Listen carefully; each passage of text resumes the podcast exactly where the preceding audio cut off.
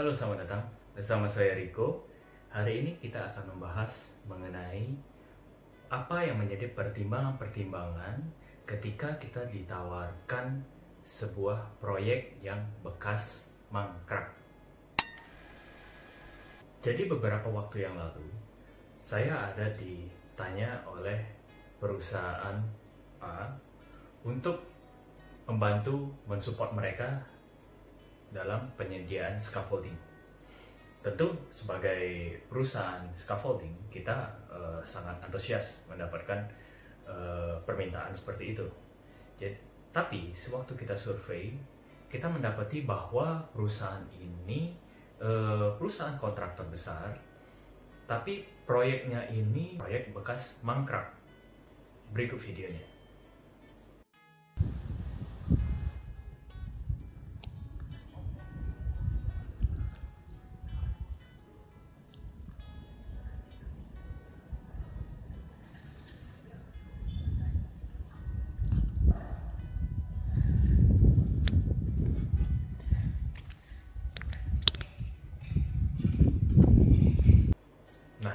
Menurut Anda apa yang harus kita pertimbangkan ketika kita mendapatkan permintaan dari proyek yang seperti ini? Yang pertama, tentu kita akan mempertimbangkan apa yang menjadi alasan proyek tersebut mangkrak. Mungkin memang bukan dari eh, perusahaan yang meminta kepada kita ini, tapi mungkin dari perusahaan sebelumnya. Nah, tetapi kita harus tahu apa yang menjadi alasannya. Kenapa? Karena ketika kita tahu alasan suatu proyek itu mangkrak, kita bisa mendapatkan suatu gambaran bahwa proyek ini layak atau tidak untuk kita support. Jika memang eh, alasan perusahaan tersebut one prestasi itu mungkin kesalahan daripada perusahaannya. Tetapi jika keadaan proyek tersebut mangkrak karena proyeknya tersendiri itu punya masalah, mungkin dari izin atau dari eh, penduduk-penduduk lokal yang tidak terlalu mendukung, nah, itu bisa menjadi bumerang bagi kita. Pertimbangan kedua adalah perusahaan yang meminta kepada kita. Background perusahaannya itu seperti apa? Apakah mereka mempunyai uh, track record yang baik? Apakah mereka mempunyai cash flow yang cukup?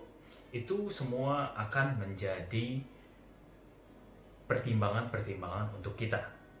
Karena perusahaan tersebut yang sudah sekarang mengambil alih atau mengambil tanggung jawab pada proyek bekas mangkrak itu.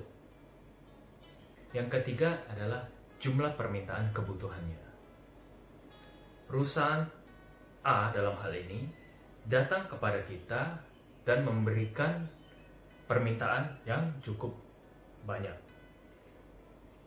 Semakin banyak permintaan yang datang ke suatu perusahaan, terutama material, dalam hal ini adalah scaffolding, itu menjadikan semakin besar pula resiko yang akan kita tanggung. Karena ketika eh, misalnya proyek itu eh, tidak berjalan atau one prestasi, perusahaannya one prestasi, maka kerugian yang ditanggung kita akan tentu lebih banyak.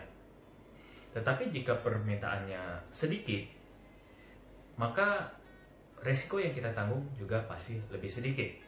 Dan mungkin pertimbangan yang kita pikirkan itu tidak terlalu banyak karena resikonya juga bisa dibilang kecil.